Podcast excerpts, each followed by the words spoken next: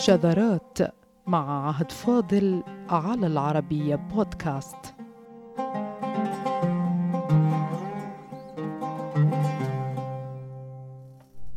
قضية الكلمات المعربة في اللغة العربية أثيرت ولا تزال تثار نظرا لما تنطوي عليه من مسائل شائكة ومتضاربة من قول بتعريب الكلمات على الصوت العربي ومن قول بلزوم ترك الكلمة الأعجمية كما هي كي لا يلتبس الأمر في المستقبل فيظن أنها من اللغة الأم.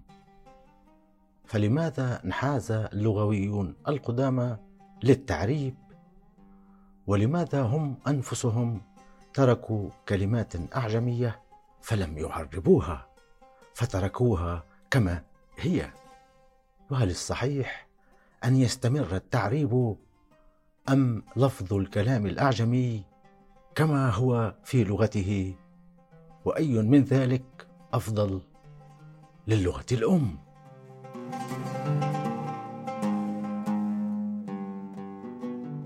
بداية أعزائنا فإن لغويي العربية يعرفون التعريب بأنه نقل لللفظ الأعجمي إلى العربية.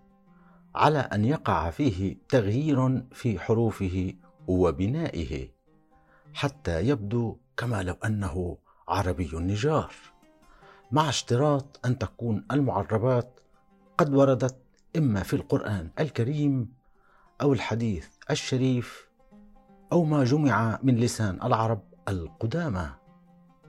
على أن يكون الكلام المعرب حاملا صفة أخرى غير التعريب وهي المولد. إذا تم في أزمان لاحقة.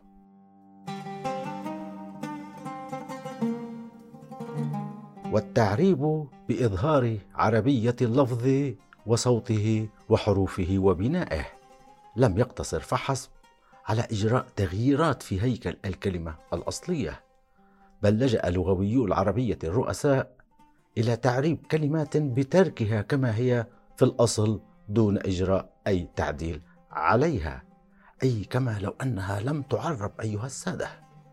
حتى نقل عن إمام النحو العربي سيبويه أنهم أي العرب يعربون الكلمات أو يعربون برواية أخرى فيلحقونها في أبنيتهم وربما لم يلحقوها بأبنيتهم وربما تركوها على حالها إذا كانت حروفها كحروفهم.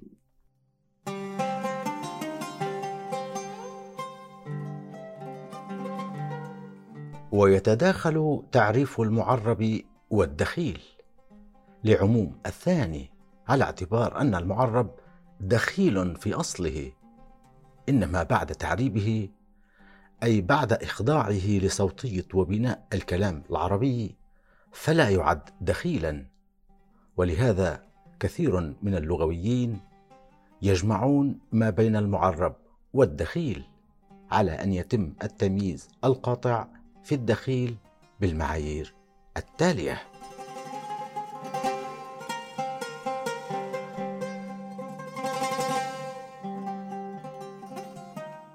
رؤساء العربية أيها السادة وضعوا مصنفات كثيرة في المعرب والدخيل.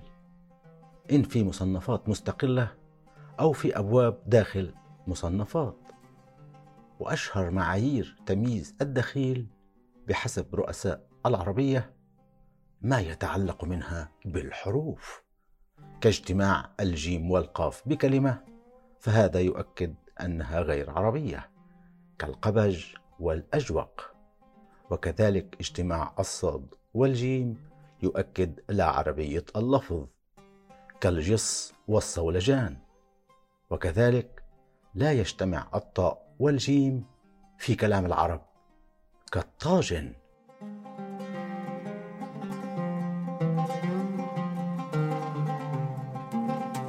وأمثلة اجتماع الحروف كثيرة ومعروفة لإظهار أو نفي عربية الكلمة إلا أن المعيار العقلي الذي استعمله اللغويون العرب. استند إلى أساس منطقي راسخ يتعلق فيما يعرف بأبنية الكلام وبناء الكلام وزنه الذي يقاس عليه ليكون الخروج عن الأوزان العربية دليلا قاطعا على أن الكلمة غير عربية.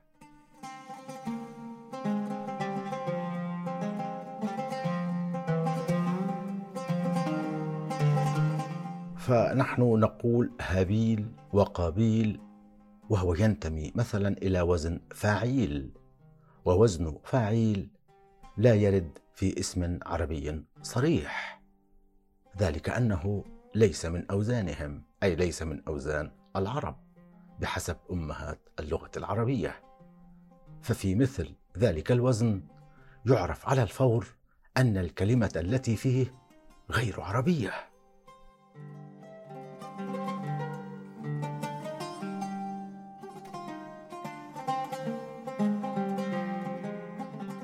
وزن آخر يستند إليه النحويون العرب لتعليم الناس أساس الكشف عن عربية اللفظ من أعجميته.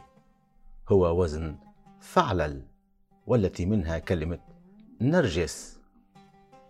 مثلا وكذلك وزن فعالل التي منها كلمة سرادق الذي يقطع لغويو العربية بلا عربيته. وبأنه فارسي معرب أو معرب. وكذلك وزن فاعل كما نقول الآن كابل المدينة وهو ليس من أوزان العرب.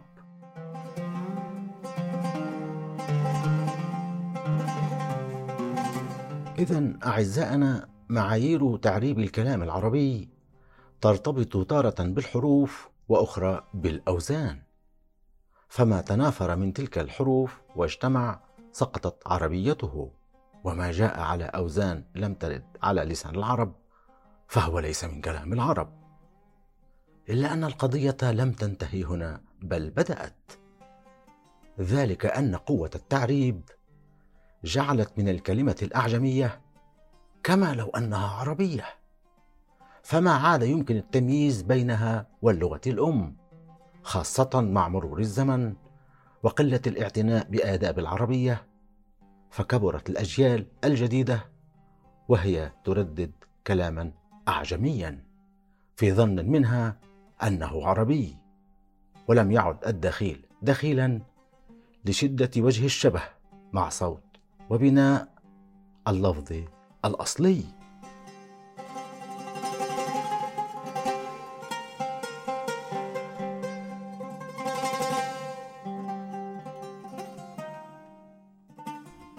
لقد صار التعريب فادحا في اللغة العربية إلى الدرجة التي قام فيها اللغويون بإرجاع الدخيل إلى أصل عربي. تخيلوا أعزائنا كما فعلوا في منديل والأسقف. كما قال محققو كتاب المعرب من الكلام الأعجمي للجواليقي. صاحب أشهر الكتب في هذا المجال حيث عمل بعض اللغويين الكبار إلى إرجاع الشطرنج إلى الشطارة. وقس على هذا المنوال. إن السبب الأصلي لمثل تلك الأخطاء الفادحة هو التعريب نفسه لأن اللسان العربي يتعامل مع الكلمات العربية الأصيلة بأكثر من لسان. فكيف سيتعامل أصلا مع كلمات يتم تعريبها بكثير من الألسنة. وهذا هو الدليل أيها السادة.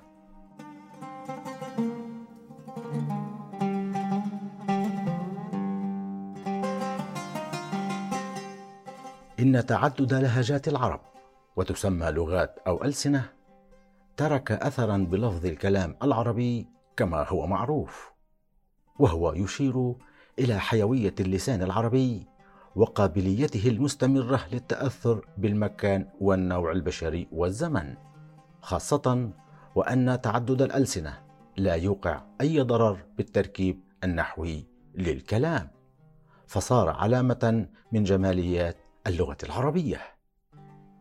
لكن تعدد اللغات ترك اثرا فادحا في المعرب ذلك أن تعريب الكلمات الأعجمية خضع لمعايير كثيرة وغير قابلة للحصر. فوصلت قراءات بعض الكلمات إلى أكثر من عشر مرات. كبغداد التي وصل تعريبها إلى ثلاث عشرة لغة. فيما كلمة سوذانق أي الشاهين وصلت إلى أربع وعشرين لغة. فهل هذا يعقل؟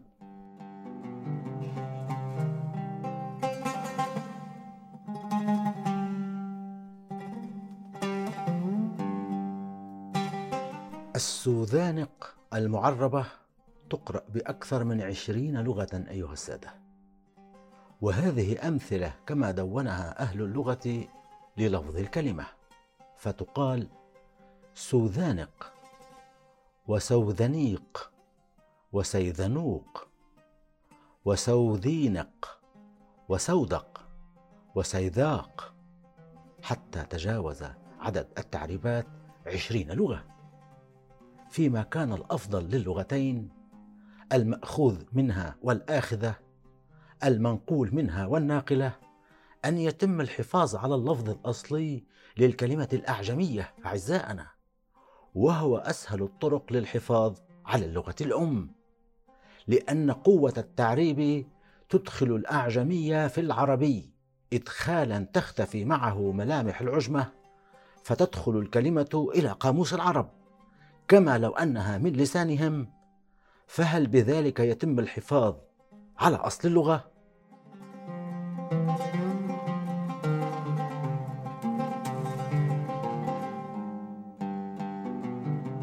لكن أصالة اللسان العربي سارعت وقامت بنقلة بارعة فلم تقف عند قيد التعريب الذي اشترطه اللغويون العرب في وقت لاحق فقام اللسان العربي بنقل كلمات أعجمية وتركها كما هي. أعزائنا كما هي. ولم يحدث فيها أي تغيير صوتي أو بنائي. كما سبق وعلمنا إمام النحو العربي سيبويه وهو الضليع بالفارسية والإمام بلغة العرب. ونحن الآن نقول كابل وهو ليس من أوزان العرب. واحتفاظ لسان العرب بالوزن الأعجمي لهو أعظم صورة من صور الحفاظ على اللغة العربية نفسها لأن الموضوع ببساطة أنه وزن ليس من أوزان كلام العرب. فيعرف الناس في كل الأجيال مثلا أن وزن وهيكل كابل غير عربي. وبتلك البراعة اللسانية بترك اللفظ الأعجمي على حاله قد تم الاحتفاظ باللفظ العربي على حاله لأن الهويتين باديه الاختلاف على عكس ما فعله التعريب من تقريب وصل حد التطابق اللساني.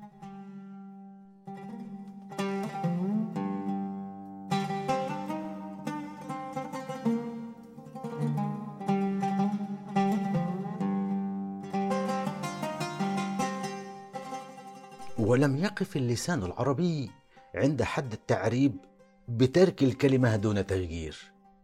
كالبخت وخراسان بل أيضا حافظ اللسان العربي على ضوابط اللغة المنقول منها. وفي ذلك إعجاز لساني عربي بكل معنى الكلمة. فمن المعروف أيها السادة أن صوتية اللفظ العربي لا تقبل مثلا التقاء ساكنين وهي من خواص هذا اللسان. إلا أن لسان العرب قبل التقاء الساكنين في كلمات أعجمية وهي والحق يقال من بشائر خلود لسان العرب عندما أقر للغة الدخيلة بشروطها حتى لو كانت تتعارض مع شروطه. فرأينا كلمات من مثل البار جاه والراه نامج والشاه ترج وسواها.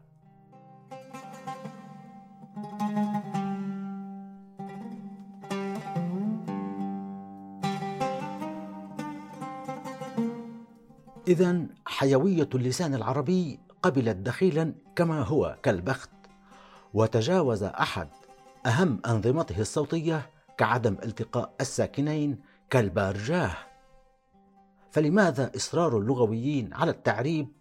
أي إدخال الكلمة الأعجمية إلى العربية ضمن النظام البنائي والصوتي للغة الناقلة حتى تحول كلام الأعاجم إلى جزء أصيل في لغة العرب ولم يعد يمكن التمييز بين المعرب والدخيل والأعجمي إلا على يد أهل اللغة والرؤساء. فهل هذا في صالح العربية؟ أم في غير صالحها؟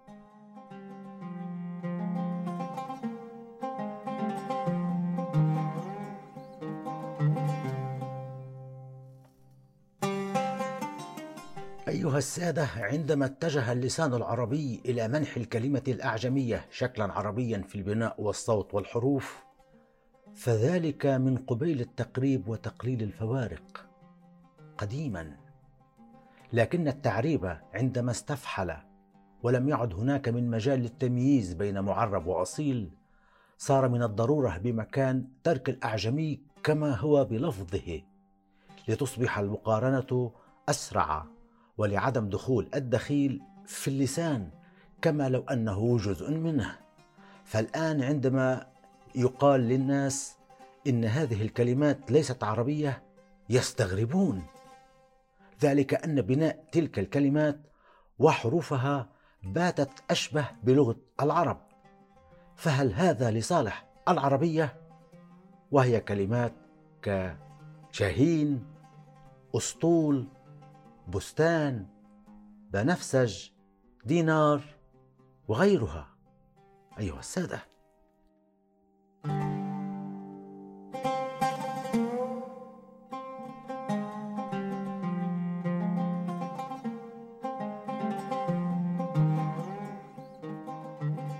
وكما قام إمام العربية واقتبسناه لكم. إن العرب تركت بعض الكلمات كما هي ولم تلحقها بأبنيتها وكذلك حافظت على التقاء الساكنين في كلمات أعجمية فهذا أسهم بفرز الكلمة وإبقائها أعجمية. أي أن عبقرية اللسان العربي اتجهت إلى تجاوز قواعده الصوتية والبنائية وكان بإمكانه لو أراد ألا يتجاوز. فلماذا مثلا سمح بالتقاء الساكنين في كلمة كالبارجاه؟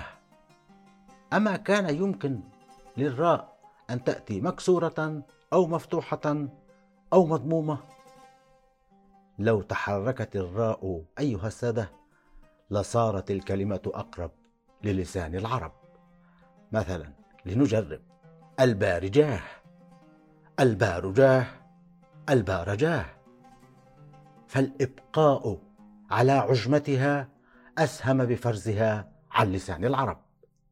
ولهذا قال الثعالبي في فقه اللغة إن هناك كلمات تفردت بها الأعاجم دون العرب فعربتها أو تركتها كما هي. عربتها أو تركتها كما هي. انتهى كلام الثعالبي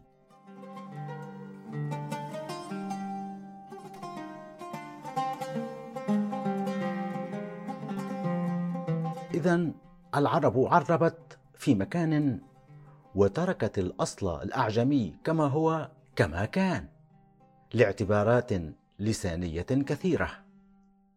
ولعل لسان العرب الحديث هو أحوج ما يكون اليوم إلى إيقاف التعريب تماما والاقتصار على الاسم المنقول كما هو في لغته الأصل لفظا وصوتا. وبذلك يتحقق أمران. اولا لا تدخل الكلمة الوافدة إلى اللغة الأم بسبب وضوح اختلافها اللغوي والصوتي والحروفي. وثانيا الحفاظ على اللغة الأم بإظهار اللغات الأخرى ببنائها اللفظي وصوتيتها كما هي.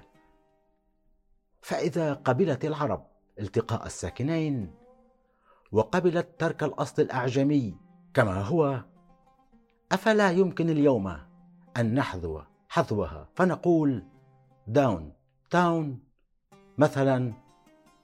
والسلام عليكم.